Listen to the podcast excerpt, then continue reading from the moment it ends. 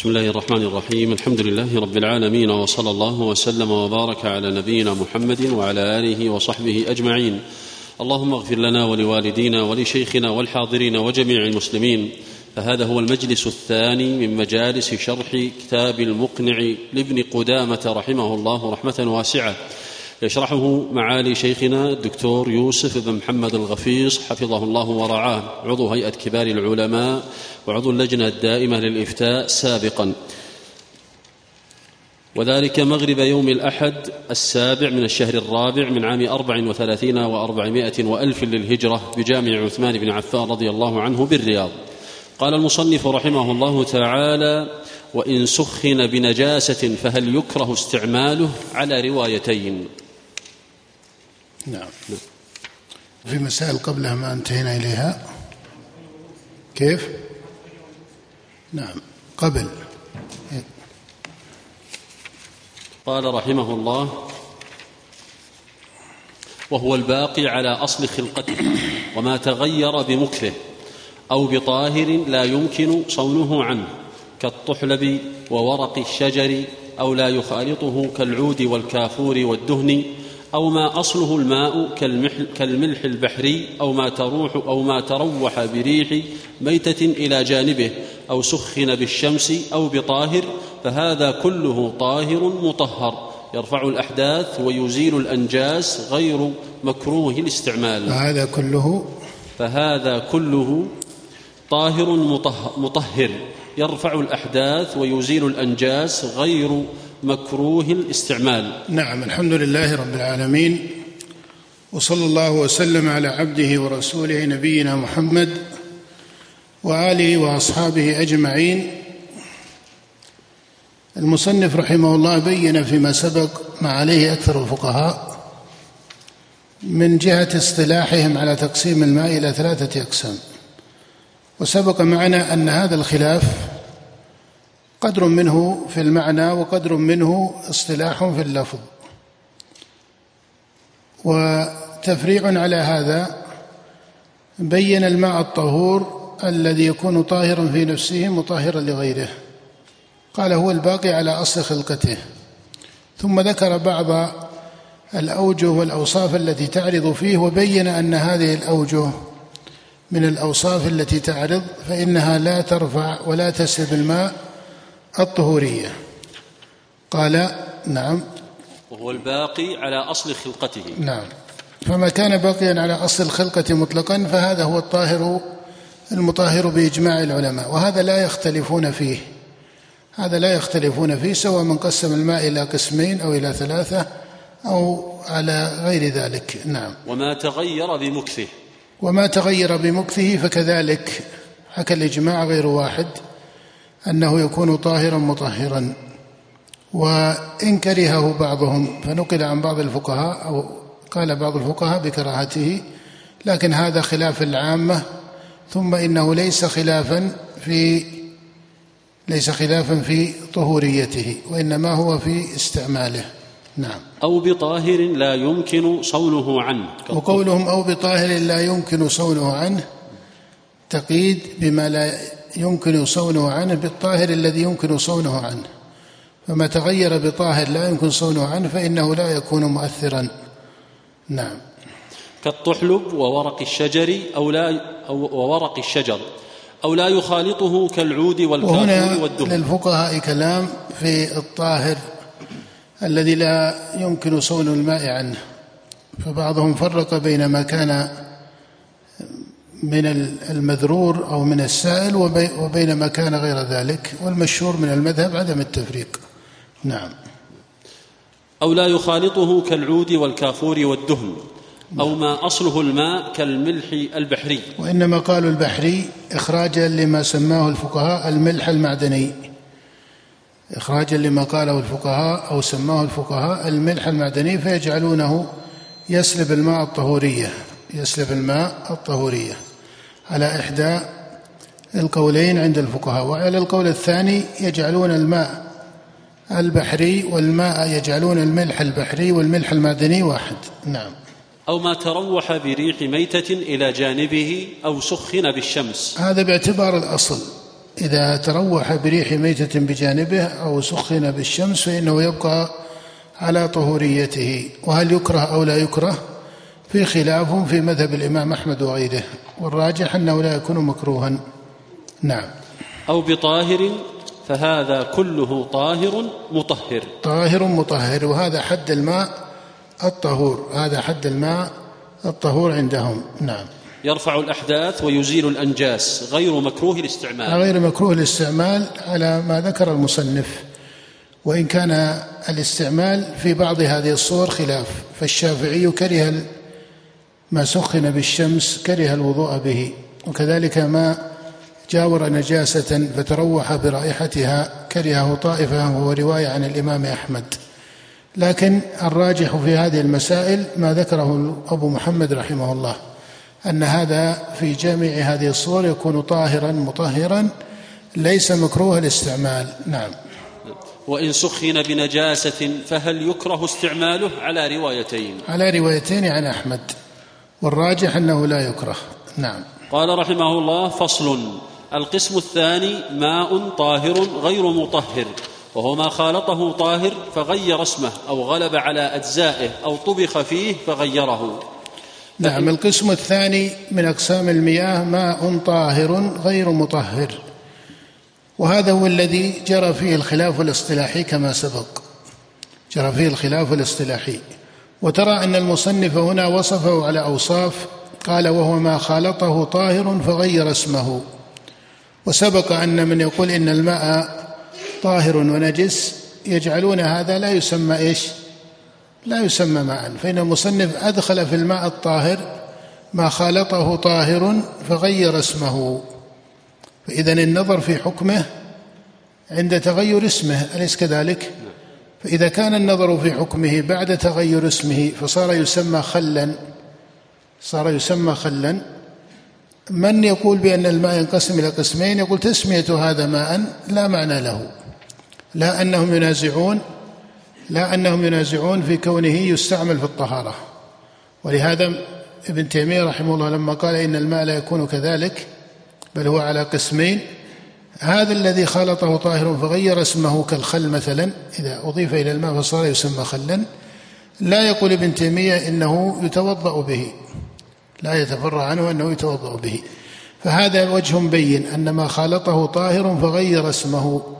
وعلى هذا القدر هذا النوع الآن هو يقول في القسم الثاني كأنه يقول لك إنه أوجه. يقول إن الطاهر أوجه الوجه الأول منه ما خالطه طاهر فغير اسمه. فهذا لا يرفع به الحدث لكونه ليس ماء. وعلى هذا الوجه من أوصاف الطاهر فالخلاف فالخلاف اصطلاحي أو الخلاف لا يزال لفظيا. القسم الثاني أو الوجه الثاني في القسم الثاني فإن غير أحد أوصافه لونه أو طعمه أو ريحه. لا قبل. وهو ما خلطه طاهر فغير اسمه أو أو غلب على أجزائه أو طبخ فيه فغيره. أو غلب على أجزائه أو غلب على أجزائه. وهذا يكون أوسع من جهة مما سماه في الأول وهو ما تغير اسمه. إذا خالطه فغلب على أجزائه إذا غلب على أجزائه ولو كان اسم الماء باقيا عليه لم يتغير. فإنهم يجعلونه إيش؟ فإنهم يجعلونه طاهرا ليس مطهرا. في هذا المعنى أن الأول خالطه طاهر فغير اسمه في الثاني لم يغير الاسم ولكنه غلب على إيش؟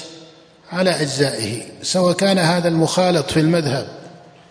مذرورا أو كان اجزاء ليست مذروره والشافعية فرقوا بين المذرور كالطحين ونحوه وبين ما ليس كذلك كالخشب والعود ووراق الشجر ونحوها. والمذهب لا يفرقون فالمقصود عندهم أنه إذا غلب على أجزائه صار عندهم طاهرا ليس مطهرا. فإن أثرت هذه الغلبة في الأجزاء إلى تغير الاسم فهذا أصرح عند الفقهاء في كونه لا يرفع به الحدث على هذا الوصف الثاني أو الوجه الثاني من من الطاهر الخلاف فيه اصطلاحي أو أو له حقيقة. الخلاف فيه له حقيقة. لأنه عندهم لا يزال يسمى إيش؟ لا يزال يسمى ماذا؟ ماء. لكن كثر فيه غيره. كثرة لم ترفع اسمه. كثر فيه غيره كثرة لم ترفع الاسم. فما دام أنها لم ترفع الاسم فعلى المذهب يجعلونه طاهرا ليس مطهرا وهذا رأي الجمهور. وعلى القول الثاني يجعلونه طاهرا مطهرا لأن معتبرهم في تمييز الماء معتبر بالتسمية. طريقة ابن تيمية يقول ما دام أنه يسمى ماء صحت الطهارة به. فهذا القسم الثاني الخلاف فيه له معنى. الوجه الثاني الخلاف فيه له معنى. نعم. أو طبخ فيه فغيره. نعم. فإن غير فإن غير أحد أوصافه لونه أو طعمه أو ريحه أو استعمل في رفع حدث أو طهارة مشروعة كالتجديد وغسل الجمعة. إذا تغيرت أحد الأوصاف إذا تغيرت أحد أوصافه لونا أو طعما أو رائحة فإنه لا يكون مطهرا في المشهور من المذهب وهو مذهب مالك والشافعي. إذا تغيرت أحد الأوصاف لونا أو طعما أو رائحة وهذا أضيق هذا الوجه الثالث من الطاهر أضيق من الثاني لأن الثاني يقولون فيه غلب على أجزائه. هذا في الثاني لا يقولون إنه غلب على في الثالث لا يقولون غلب على أجزائه. إنما تغير فيه وصف اللون والطعم والرائحة وأنت تعلم أن تغير الوصف إما أن الوصف يتغير اللون والطعم والرائحة إما أن يتغير بالنجاسة فيكون نجسا وإما أن يكون تغير لونه أو طعمه أو رائحته بطاهر وما زال اسم الماء باقيا عليه حتى يخرج الأول أليس كذلك؟ ولم يكن غالبا على أجزائه حتى يخرج الثاني. فهذا فيه خلاف مشهور. هذا فيه خلاف مشهور. ففي مذهب مالك والشافعي وهو الصحيح من مذهب الإمام أحمد أنه يكون طاهرا ليس مطهرا. أنه من الطاهر غير المطهر. طاهر في نفسه ليس يرفع به الحدث. وهذه الرواية هي المنصوصة عن الإمام أحمد والمنصوره عند أكثر أصحابه. نعم. أو استعمل في رفع حدث أو طهارة مشروعة كالتجديد وغسل الجمعة. كذلك ما استعمل في رفع الحدث أو طهارة مشروعة أي ليست واجبة كالتجديد كتجديد الوضوء وغسل الجمعة. فكذلك اختلف المذهب في الماء على هذه الصفة. فمنهم من جعله يكون طاهرا ليس مطهرا. ومنهم من جعله طهورا يرفع به الحدث ويزال به النجس. ولكن المشهور من المذهب أن ما رفع به الحدث فإنه لا يعد من الماء الطهور بل هو من الماء الطاهر. لا يعد من الماء الطهور بل هو من الماء الطاهر. والراجح في هذا القسم الراجح في هذا القسم أنه من الماء الطهور. الراجح في هذا القسم أنه من الماء الطهور لأن النبي صلى الله عليه وسلم اغتسل وبعض أزواجه من إناء واحد وكانوا يغتسلون في الإناء الواحد وما يتقون ذلك. فلو كان ما ينفصل يصير الماء طاهرا ليس مطهرا ما أمكن استتمام الطهارة به من غيره. ما أمكن استتمام الطهارة به من غيره. وكانوا يتوضؤون في الصاع ونحوه. كانوا يتوضؤون بالصاع ويغتسلون به وبأقل من الصاع. وهذا في الجملة هذه الآنية في الجملة يقع في العادة ويغلب على الظن في العادة أن الماء يقع فيها أليس كذلك؟ سواء كان في رفع الحدث أو في الطهارة المشروعة كالتجديد. وما كانوا يتقون ذلك. وما كانوا يتقون ذلك ولا سيما أنه يعرض لهم في السفر ونحوه قلة الماء. وما كانوا يتقون ذلك. فهذا القسم الراجح فيه وهو إحدى الروايتين عن الإمام أحمد وإن كانت ليست المشهورة عند الأصحاب. الراجح فيه أنه من باب الماء الطهور أنه من باب الماء الطهور ما استعمل في رفع الحدث أو من باب أولى في الطهارة المشروعة كتجديد وضوء ونحوه. وهذه الرواية هي اختيار جماعة من التابعين وأحد الروايتين عن الإمام مالك والقول الثاني للإمام الشافعي. فهذا القسم وهو الرابع فيه خلاف قوي. هذا القسم فيه خلاف قوي من أقسام أو من أوجه الماء إيش؟ الماء الطاهر. فهذا خلاف له معنى ليس خلافا اصطلاحيا بل خلاف له خلاف له معنى. والراجح في هذا الوجه وهو الرابع الذي سماه المصنف أن الماء طاهر مطهر.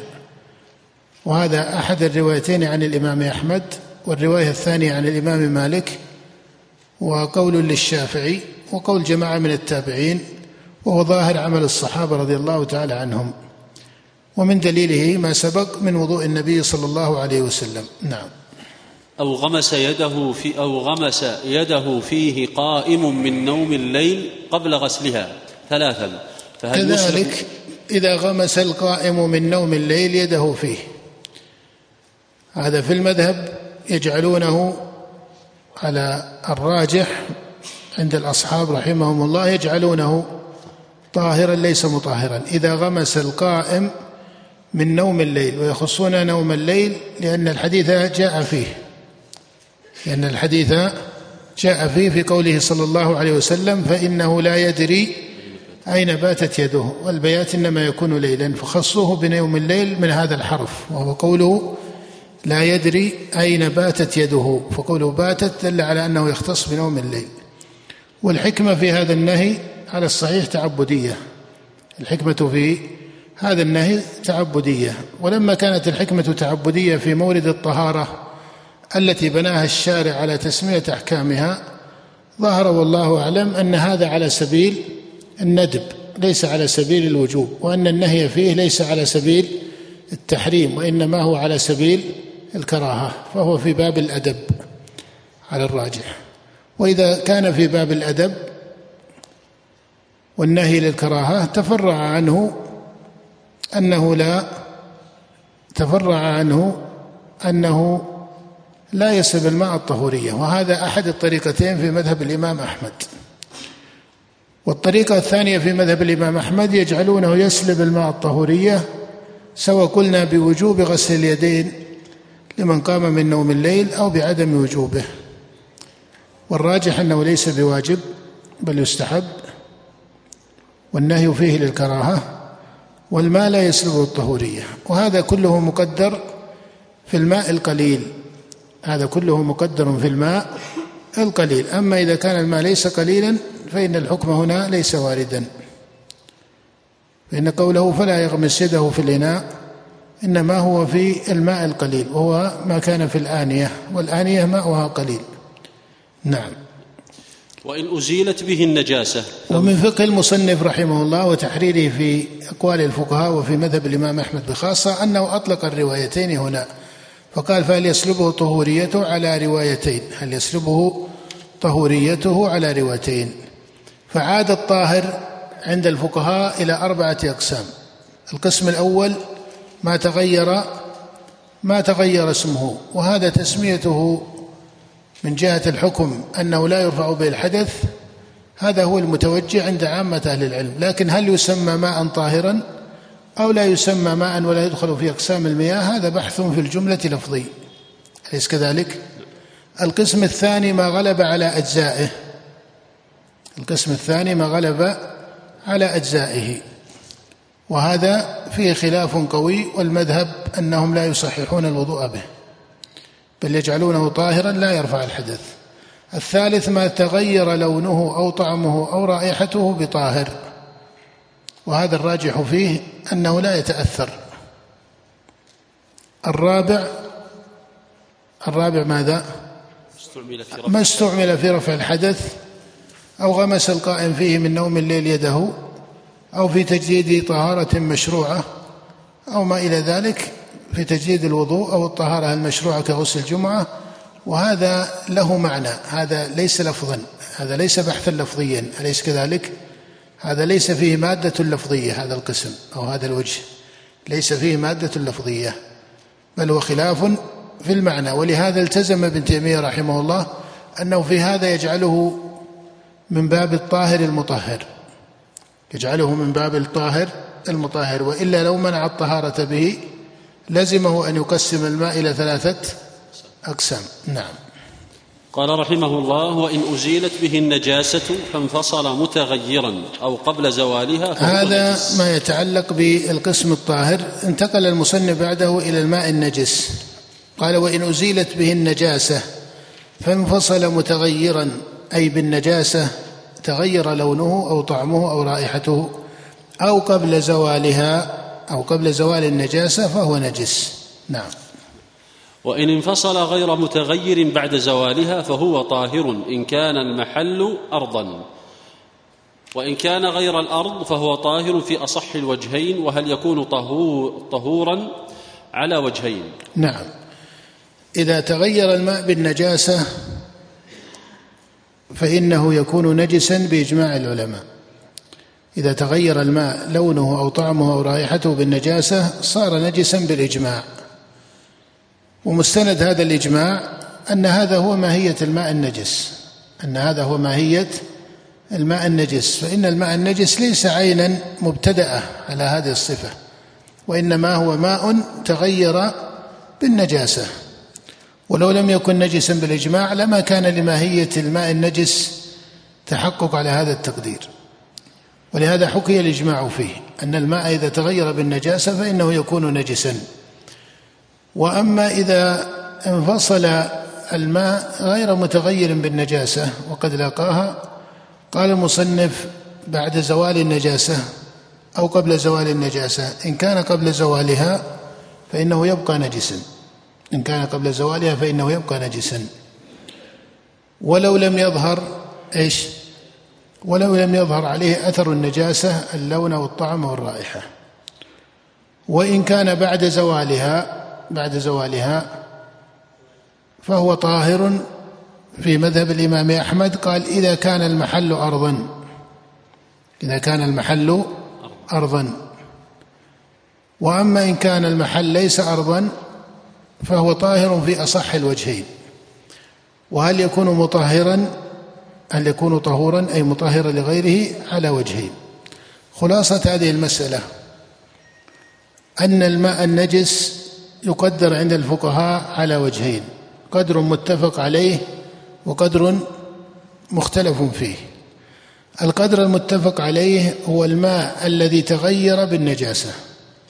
وهذا بإجماع العلماء أنه ماء نجس. إذا تغير لونه أو طعمه ورائحته بالنجاسة. القسم الثاني وهو الذي فيه الخلاف المشهور. ما لاقى النجاسة ولم يتغير فهذا في الجملة على قسمين. فهذا في الجملة على قسمين. إما أن يكون قليلا وإما أن يكون كثيرا. إما أن يكون قليلا وإما أن يكون كثيرا. فإن كان كثيرا وقد لاقى نجاسة ولم يتغير فإنه يبقى على طهوريته. وإن كره بعضهم في بعض مقاديره الوضوء منه. وإن كره بعضهم في بعض مقاديرها الوضوء منه. لكنه عند الجماهير والعامة من العلماء يبقى على طهوريته إذا كان كثيرا.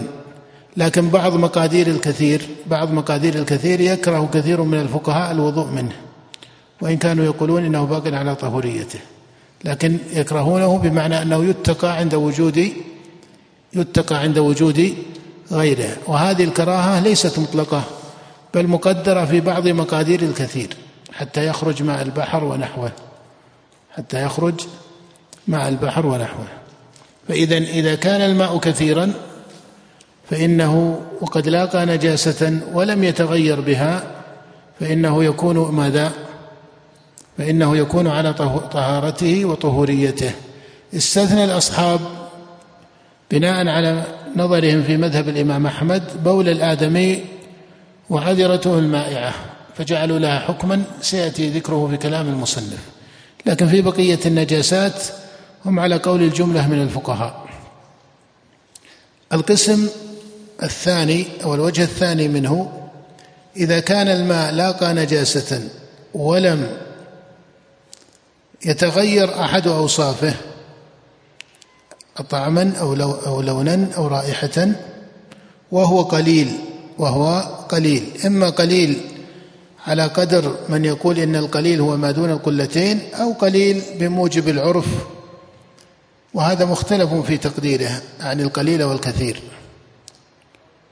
فأبو حنيفة يقول إنه إذا حرك أحد طرفيه لم يتحرك الطرف الآخر يجعله كثيرا وما تحرك أحد طرفيه بتحريك الطرف الآخر يجعله قليلا. والمشهور من مذهب أحمد والشافعي أن القليل ما دون القلتين والكثير ما فوقهما. على حديث عبد الله ابن عمر البحث في القليل والكثير هذا بحث آخر. البحث في القليل والكثير هذا بحث آخر. لكن من حيث الحكم فإن الماء إذا كان قليلا ووقعت النجاسة فيه لاقى نجاسة ولم يظهر إيش؟ فيه تغير في أحد أوصافه فهذا فيه نزاع مشهور والجمهور من الفقهاء وهو الصحيح من مذهب الإمام أحمد وأحدى الروايتين عن الإمام مالك أن الماء أن الماء هنا يكون نجسا. وهذا الذي عليه الجماهير. وهو إحدى الروايتين عن مالك وإحدى الروايتين عن أحمد هي الصحيحة في المذهب وكذلك في مذهب أبي حنيفة والشافعي أنه يكون نجسا. والقول الثاني وهو رواية عن الإمام أحمد ورواية عن الإمام مالك وقول في مذهب الشافعي وغيره أنه يكون طاهرا وليس بنجس. وهذا من مشهور الخلاف في مسائل المياه. هذا من مشهور الخلاف في مسائل المياه. والاستصحاب فيه يحتمل القولين. فإن من يقول إنه طاهر يقولون إن الاستصحاب يدل عليه لأن الأصل في المياه الطهارة. ولكن يمكن استصحاب حكم النجاسة فيه لأنه يقال ماء نجس وهو مظنة التغير بالنجاسة فالأصل فيه ماذا؟ النجاسة حتى يستبين استحالتها فيه. فتقدير دليل الاستصحاب إنما ينبه إليه لئلا يتوهم الناظر أن هذه المسألة أو أن القول بطهارته يعضده دليل الاستصحاب ولا بد. بل دليل الاستصحاب يمكن تقديره على القولين ليس صريحا في أحد القولين. وأما من الأحاديث المفصلة في هذا فالظاهر من النصوص أن هذا الماء يكون نجسا. وهذا ما جاء في حديث عبد الله بن عمر إذا بلغ الماء قلتين لم يحمل الخبث. فإنه لولا هذا التقدير لولا هذا التقدير لما كان للحديث دلالة.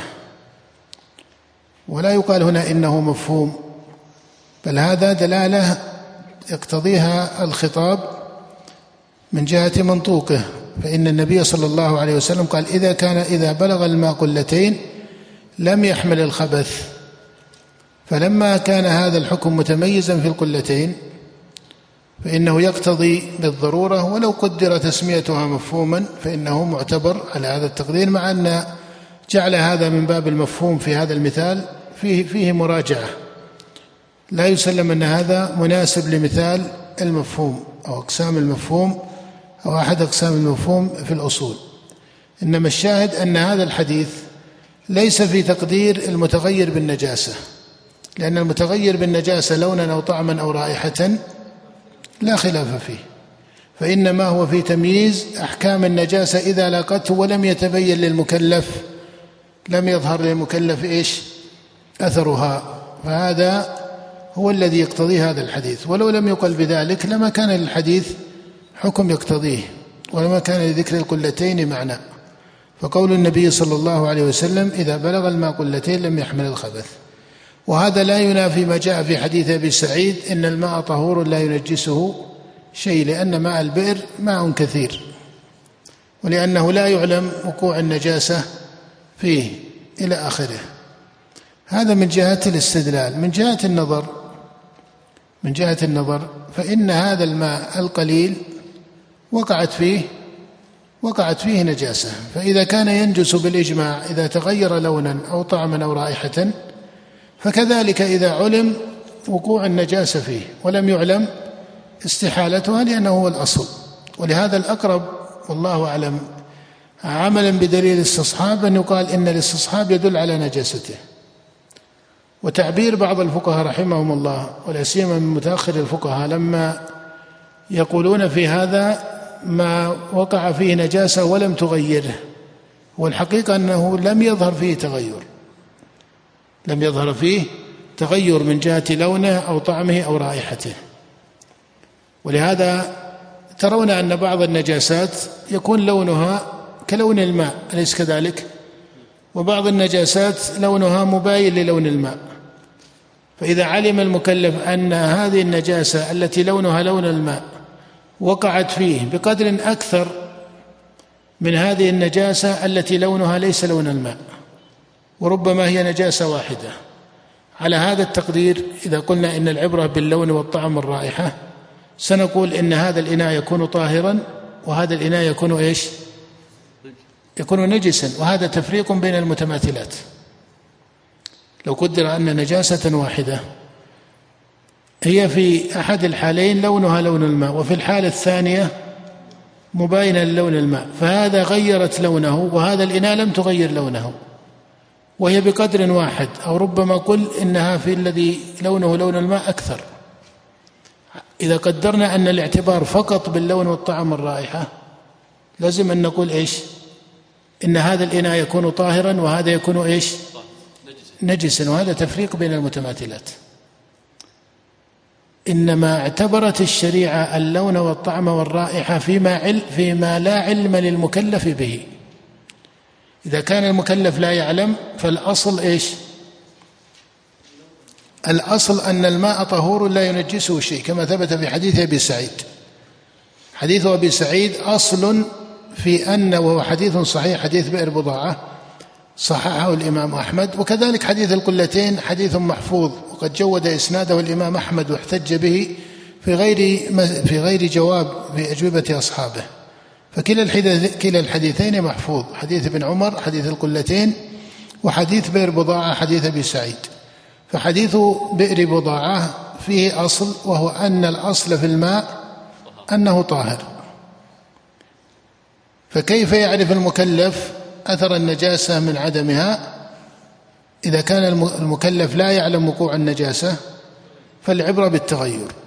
لكن حيث علم حيث علم أن النجاسة وقعت فيه وهو قليل بمعنى أنه ليس مظنة الاستحالة فهذا كأنه أحيانا أظهر من حيث الترتيب في النظر أظهر من مسألة الرائحة. لأن الرائحة قد تنتابه من غيره ويقع فيها اشتباه أليس كذلك؟ الرائحة يحصل فيها اشتباه ويحصل في تقديرها اختلاف فربما قال هذا إن رائحة النجاسة فيه وقال الآخر إن رائحة النجاسة ليست فيه. وكذلكم الطعام هذه أمور لا تقدر. هذا والله أعلم أن مورده من الشريعة فيما لا علم للمكلف به. فما دام أن المكلف لا يعلم يقال له الأصل في الماء الطهارة كما مضى الإجماع به وجاءت به السنة والكتاب. دل الكتاب والسنة والإجماع أن الأصل في الماء الطهارة. فإن تغير لونه أو طعمه أو رائحته صار نجسا إجماعا. فإذا كان نجسا إجماعا بالرائحة التي يحصل فيها اشتباه. فمن باب أولى إذا وقعت فيه نجاسة متيقنة شاهدها المكلف أو علمها علما يقينا. والماء قليل. والماء إيش؟ والماء قليل. أما أن يقال مع علمه لا بد من ظهور اللون أو الطعم أو الرائحه فهذا يستلزم أن النجاسات التي يلاقي لونها لون الماء التي يلاقي لونها لون الماء كبول الآدمي أحيانا فإنه ربما كان لونه لون الماء وما ظهر فيه لون أو طعم أو رائحة. أليس كذلك؟ فهذا يلزم أن يقال يصح الوضوء به ويكون طاهرا وإذا وقع وقد تغير بعض اللون لا يكون كذلك وهذا تفريق بين المتماثلات فالراجح أن الماء إذا وقعت فيه نجاسة فهو نجس لأن العلم هنا من جنس العلم بإيش؟ من جنس العلم باللون أو الطعم أو الرائحة الذي مضى فيه الإجماع لأن العلم هنا من جنس العلم الذي هو الطعم أو اللون أو الرائحة وقد مضى الإجماع أن الماء به يكون نجسا. فهذا على قدره وربما في بعض الموارد يكون أبلغ ربما في بعض الموارد في الماء القليل يكون أبلغ من إيش؟ تغير. يكون أبلغ من من الرائحة. ربما في بعض الموارد يكون أبلغ ثبوتا من الرائحة لأنه علم علم يقيني. وإنما جعلت اللون جعل اللون أو الطعم أو الرائحة لأنه كاشف لهذا العلم إنما جعل اللون أو الطعم أو الرائحة معيارا مضى الإجماع به لكونه كاشفا لوقوع النجاسة من عدمها أليس كذلك؟ فإن اللون إذا ظهر أو الطعم أو الرائحة عرف المكلف بوقوع النجاسة فيه وأنها لم تستحل أليس كذلك؟ فكذلكم إذا علم المكلف ذلك في ماء قليل لا تستحيل النجاسة فيه عادة. في ماء قليل كماء الأواني الماء الذي يكون في الأواني لا تستحيل النجاسة فيه عادة. وهذا يبينه ما جاء في حديث عبد الله بن عمر إذا بلغ الماء قلتين لم يحمل الخبث. فالذي يظهر بدليل الاستصحاب ودليل السنة ومقتضى النظر وعدم التفريق بين المتماثلات في الشريعة وهذا يمكن أن يكون وجها من القياس اللازم الصريح. بهذه المقتضيات من الأدلة أن ما عليه جمهور العلماء وهو الصحيح من مذهب الإمام أحمد رحمه الله أن الماء إذا كان قليلا فإنه يكون نجسا بوقوع النجاسة فيه ولا يبحث في شأنه. فإن قيل فما حد القليل والكثير قيل الراجح فيه أن القليل ما دون القلتين عملا بالسنة لقول النبي صلى الله عليه وسلم إذا بلغ الماء قلتين فهذه حقيقة شرعية ولا يقدم عليها الحقيقة العرفية لأن الشرعية مقدمة على العرفية باعتبار ولأن العرفية هنا غير منضبط لأن العرفي ليس منضبطا فهذا تقدير من الشارع وتقدير القلتين سيأتي وقد قدرها بعض الكبار من المتقدمين كالإمام أبي داود بأنها ذراع وربع طولا وعرضا وعمقا. ذراع وربع طولا وعرضا وعمقا باليد المتوسطة. نعم. قال رحمه الله وإن خلت بالطهارة منه امرأة فهو طهور ولا يجوز للرجل الطهارة به في ظاهر المذهب. نعم. إذا خلت به امرأة إذا خلت بالطهارة منه امرأة فهو طهور ولا بد أن تكون المرأة خلت به لطهارة حدث وليس لتجديد وليس لتجديد على الراجح من المذهب. إذا خلت به امرأة لطهارة كاملة عن حدث. أما إذا كان تجديدا فالراجح من المذهب أنه لا يسلبه الطهورية. وإذا خلت به المرأة لطهارة كاملة فهو طهور. إذا خلت به المرأة لطهارة كاملة فهو طهور. فإن قيل ألم يقولوا قبل بأن من فصل في الطهارة يكون طاهرا ليس مطهرا في إحدى الروايتين قيل هو هنا ليس في الماء المنفصل. حتى لو قدر أن المرأة هذه المسألة مقدرة في ماذا؟ مقدرة بحكم خلوة المرأة به وليس بكونه منفصلا عنها أو ليس منفصلا عنها. يعني ليس الاعتبار أنه انفصل ما أصاب أعضاءها فوقع فيه هم قدروه على خلاف ذلك قدر على خلاف ذلك. فالمؤثر هنا أن المرأة إيش؟ خلت فيه. وهذا فيه حديث الحكم بن عمرو الغفاري. هذا فيه حديث الحكم بن عمرو الغفاري أن النبي صلى الله عليه وسلم نهى أن يتوضأ الرجل بفضل طهور المرأة.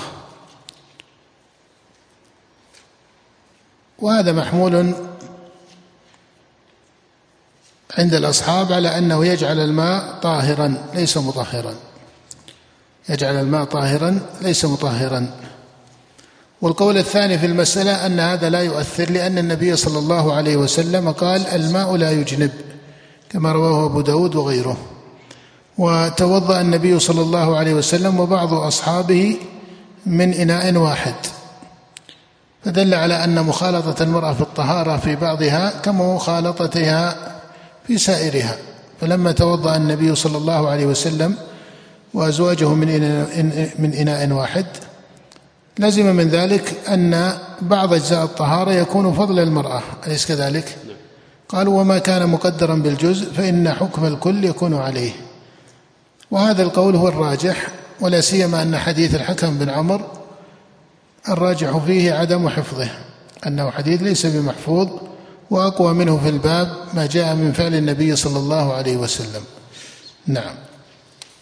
قال رحمه الله فصل. القسم الثالث ما ولهذا الإمام أحمد رحمه الله في بعض المنصوص عنه إنما حكى كراهته عن الصحابة وهذا هو الصحيح. قال جماعة من الصحابة كرهوه. وأما الحديث فالراجح فيه أنه ليس بمحفوظ. نعم. قال رحمه الله فصل القسم الثالث ماء نجس وهو ما تغير بمخالطة النجاسة فإن لم يتغير وهو يسير فهل ينجس؟ على روايتين. نعم. على روايتين وهذا الذي سبق والراجح فيه أنه نجس. نعم. وإن كان كثيرا فهو طاهر إلا أن تكون النجاسة بولا أو عذرة مائعة. نعم استثنوا في الماء الكثير غير المتغير. البول والعذرة ويقصدون من الآدمي ويقصدون من الآدمي العذرة المائعة فيجعلونه نجسا إلا في أحوال استثنوها. نعم. ففيه روايتان إحداهما لا ينجس والأخرى ينجس. نعم. هاتان روايتان عن الإمام أحمد وهو إذا كان كثيرا وأصابه بول أو عذرة الآدمي. فهل يكون نجسا أو ليس بنجس؟ على روايتين عن الإمام أحمد. الراجح في مذهب الإمام أحمد أنه يكون نجسا ما لم يشق نزحه. ما لم يشق نزحه. نعم. إلا أن يكون مما لا يمكن نزحه لكثرته فلا ينجس. نعم. الراجح من هاتين الروايتين في المذهب أنه يكون نجسا. إلا أن يكون لا يمكن نزحه أو يشق نزحه. نعم. وإذا انضم إلى الماء النجس ماء طاهر كثير. وهذا طبعا هذا الخلاف في مذهب الإمام أحمد رحمه الله مقدر بما أشار إليه المصنف ما لا يمكن نزحه. وأما الماء الذي يكون بالغ الكثرة كماء البحر والأنهار ومجامع المياه الكبرى فهذا لا يرد فيه هذا الخلاف في بول الآدمي فيه. ولو بال الآدمي في جانب من البحر ما قيل إن البحر يكون به لم يقل بهذا أحد. وكذلك مجامع المياه الكبرى. إنما هو في الماء الكثير عندهم أنه أكثر من قلتين لكن لم يبلغ في الكثرة أنه يتعذر نزحه. فهذا هو مورد الخلاف. هذا هو محل الخلاف فيما ذكروه. نعم. وإذا انضم إلى الماء النجس ماء طاهر كثير كثير طهره. نعم. كيف يطهر الماء النجس؟ بمكاثرته بالطاهر. قال المصنف وإذا انضم إلى الماء النجس ماء طاهر كثير طهره. والطاهر سبقت أقسامه عندهم سبقت أقسامه عندهم. نعم فإذا كان الطاهر كثيرا طهره إذا لم يبق فيه تغير. إذا زال اللون والطعم والرائحة طهره لأنه إما أن تكون نجاسته عندهم بتغير لونه أو طعمه أو رائحته وإما أن تكون نجاسته عندهم بما بكونه قليلا في المذهب وقعت فيه النجاسة.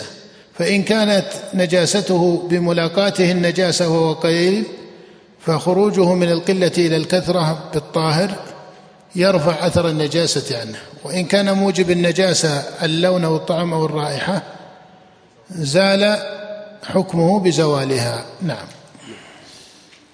طهره إن لم يبق فيه تغير وإن كان الماء النجس كثيرا فزال تغيره بنفسه أو بنزح بقي بعده كثير طهر. نعم لا بد أن يكون الذي بقي كثيرا. إذا كان الماء نجسا وهو كثير فزال تغيره بنفسه أو بنزح بقي بعده أي بعد النزح كثير فإنه يكون طاهرا. أما إذا لم يبقى بعد النزع إلا قليل فإنه إيش؟ يكون نجسا. لماذا؟ نعم لأنه على ما سبق في الترتيب يكون قليلا لاقى نجاسة. هذا سبب الاستثناء في قوله وبقي بعده كثير. إذا بقي قليل صار من القليل الذي لاقى نجاسة. نعم. وإن كثر بماء يسير أو بغير الماء فأزال التغيير لم يطهر. ويتخرج أنه يطهر. نعم ويتخرج يتخرج على مذهب الإمام أحمد أنه يطهر وهذا هو الراجح. أنه ما دام أنه زال تغيره أو مكاثرته بالماء وهو قليل فهو على كل تقدير تزول نجاسته. نعم. والكثير ما بلغ قلتين واليسير ما دونهما وهما خمسمائة رطل بالعراقي وعنه هذا هو الراجح في حد القليل والكثير من مذاهب الفقهاء كما سبق اعتبارا بحديث عبد الله بن عمر. وحديث عبد الله وإن تكلم فيه إلا أن الراجح فيه أنه حديث محفوظ وقد جوده الإمام أحمد واحتج به. نعم. وهما خمسمائة رطل بالعراقي وعنه أربع أربعمائة وهل ذلك تقريب أم تح أو تحديد؟ على وجهين. يعني هل هذا على سبيل التحديد والمعيار أو أن ذلك على سبيل التقريب فما قاربه أخذ الحكم؟ هذا فيه وجهان وسبق معنا أن الوجهين للأصحاب وليست للإمام. نعم. وإن اشتبه الماء الطاهر بالنجس لم يتحر فيهما على الصحيح من المذهب ويتيمم. إذا اشتبه الماء الطاهر إذا اشتبه الماء أو قبل ذلك وإذا شك في نجاسة الماء نعم. وإذا شك في نجاسة الماء بعد قبل. وإذا والكثير ما بلغ قلتين. لا بعده. وإذا شك في نجاسة الماء أو كان نجسا إيه. نعم أحسن الله عليك وإذا شك في نجاسة الماء أو كان نجسا فشك في طهارته بنى على اليقين. نعم بنى على اليقين لأن الأصل أن اليقين لا يزول بالشك. فإذا شك في نجاسة الماء أو كان نجسا فشك في طهارته فالعبرة باليقين. فإن كان اليقين أنه طاهر فهذا هو الأصل ولا يعمل بشكه في كونه نجسا. وعكسه كذلك إن كان يعلم أنه نجس لما سبق من أوصاف النجس فإنه بشكه في طهارته لا يصيره هذا الشك طاهرا. نعم. وإن اشتبه الماء الطاهر بالنجس لم يتحر فيهما على الصحيح من المذهب ويتيمم. إذا اشتبه الماء الطاهر في النجس بالماء النجس فإنه لا يتحرى على الصحيح من المذهب. لا يتحرى على الصحيح من المذهب ويتيمم لأنه لا يكون واجدا للماء الرافع لحدثه وهذا هو الراجح في مذهب الإمام أحمد. والقول الثاني في المسألة أنه يتحرى. القول الثاني في المسألة أنه يتحرى. نعم. وهل يشترط إراقتهما أو خلطهما على روايتين؟ نعم. ولا يشترط على الراجح من المذهب ذلك. هل يشترط إراقتهما إراقة الماء الذي هو نجس والماء الذي هو طاهر ثم اشتبه على المكلف المصنف يقول إنه يتيمم وهذا هو الصحيح من المذهب وهو الراجح وهو الراجح من حيث النظر والشريعة. ولا يشترط على الصحيح من المذهب في صح الروايتين لا يشترط للتيمم إراقتهما ولا خلطهما. ومن اشترط ذلك من اشترط ذلك وهي الرواية الثانية عن الإمام أحمد قالوا حتى يقع عند تيممه أنه إيش؟ لا حتى يقع عند تيممه أنه ليس واجدا ليس واجدا للماء. قالوا وإذا لم يقع ذلك أي الخلط والإراقة صادف أنه تتيمم صادف إيش؟ أنه تيمم وهو واجد للماء. ولكن هذا بعيد لأن وجود الماء المقصود في الآية في قول الله جل وعلا فلم تجدوا ماء فتيمموا ليس هو الوجود الحسي فحسب. بل يشمل الوجود الحسي والوجود الحكمي. ولهذا من كان مريضا يعجز عن استعمال الماء فتيمم أليس تيمم بقول الله تعالى فلم تجدوا ماء؟ هل نقول إن الآية ما دلت على فعله؟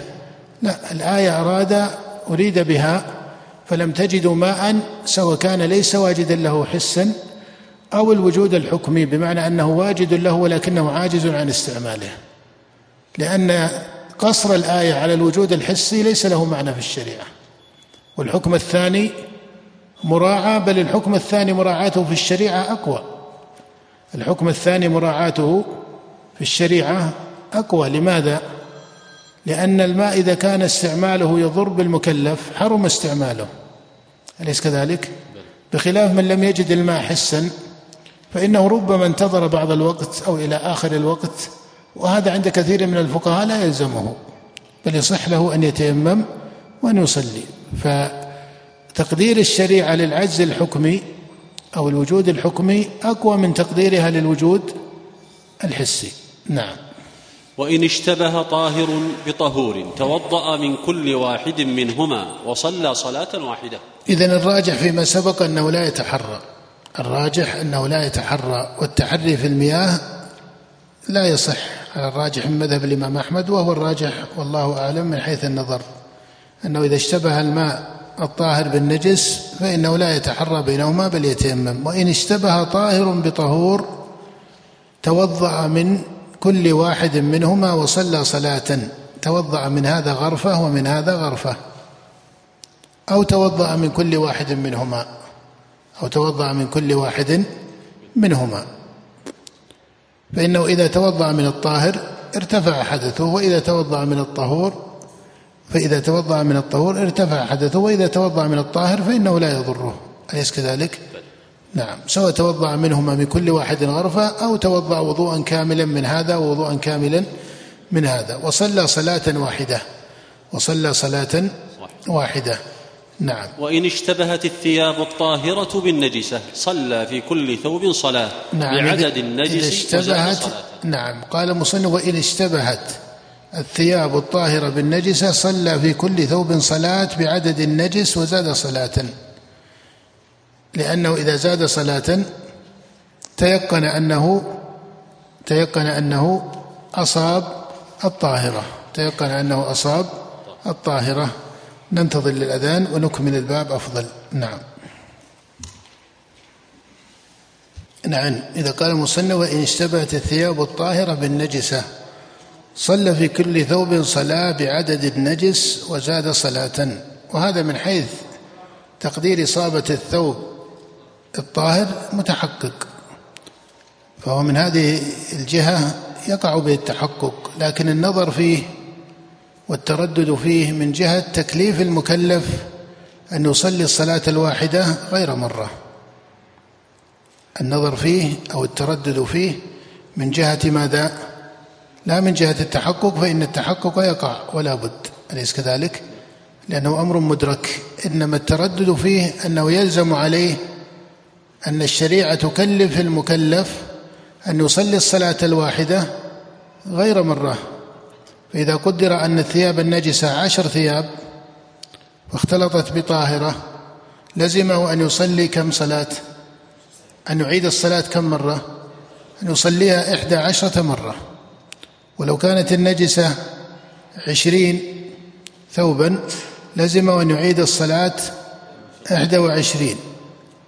هذا فيما يظهر أنه ليس مما يتجه في النظر والفقه ولهذا القول الثاني في المسألة القول الثاني في المسألة في مذهب الإمام أحمد وغيره وهو قول أبي حنيفة وقول الإمام الشافعي وأبي ثور أنه يتحرى أنه يتحرى. وهذا القول أرجح هذا القول أرجح لأنه إنما قيل لا يتحرى فيما سبق لأن له بدل من حيث الشريعة. كما في اشتباه الماء الطاهر بالنجس فإنه لا يتحرى بل يتيمم. أما هنا فإنه ليس له بدل والشريعة إنما كلفت المكلف بالفعل مرة واحدة وأن يتقي الله فيه ما استطاع واستطاعته بوقوعه مرة واحدة لأن التكليف مرة واحدة. فإن قيل إنه يستطيع أن يصلي خمس صلوات أو عشر صلوات قيل هذه الاستطاعة ليست هي الاستطاعة الشرعية. الاستطاعة الشرعية هي من حيث وقوع الفعل على ما أمر الشارع به والشارع نهى عن تكرار الصلاة. ولهذا لو أن شخصا صلى الظهر ثم قال أريد أن أصلي صلاة الظهر خمس مرات قيل هذه إيش؟ قيل هذه مخالفة شرعية. فهو إذا تحرى هنا ناسب ناسب قصد الشريعة في قول الله جل وعلا فاتقوا الله ما استطعتم وقول لا يكلف الله نفسا إلا وسعها. فالراجح في هذه المسألة القول الثاني وهو مذهب أبي حنيفة والشافعي أنه لا يصلي في كل ثوب صلاة بل يتحرى ويصلي صلاة واحدة. يتحرى ويصلي صلاة واحدة. نقف على قول المصنف باب الآنية.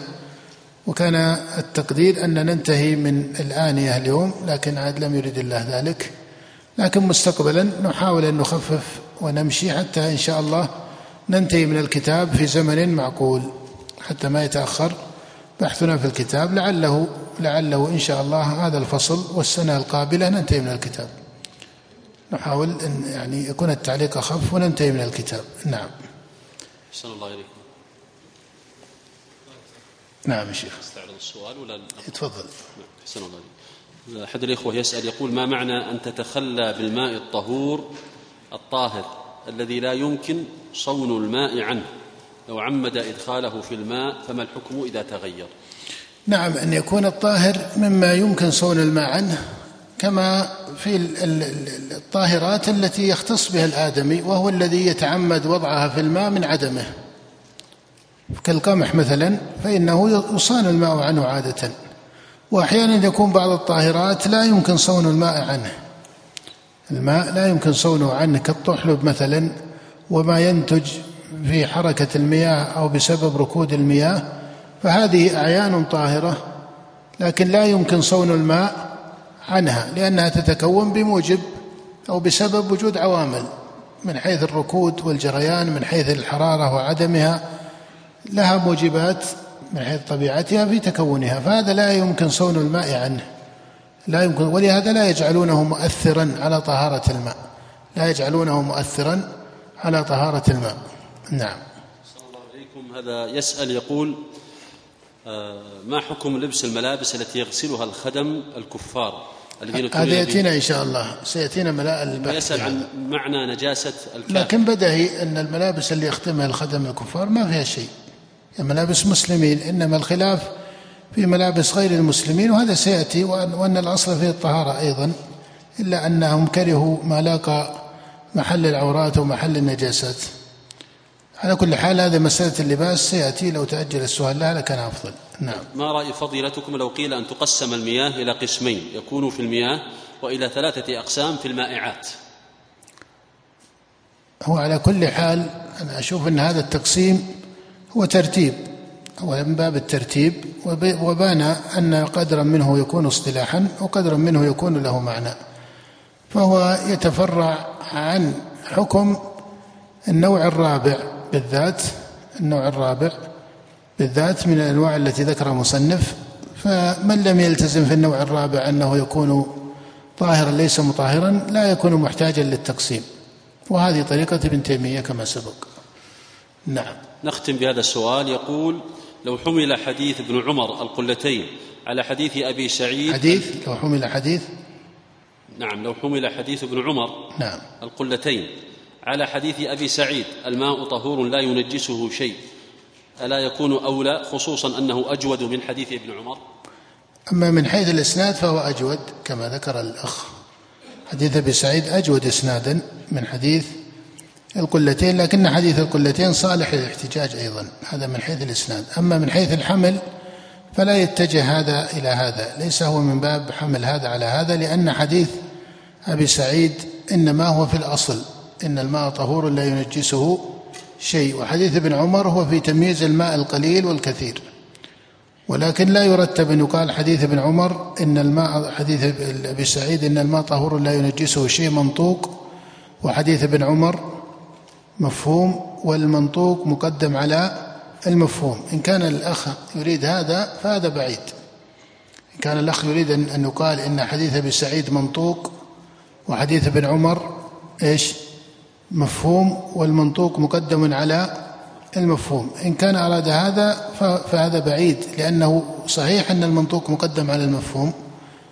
ولكن المنطوق الذي في حديث أبي سعيد ليس ملاقيا لحكم المفهوم الذي في حديث من؟ حديث ابن عمر.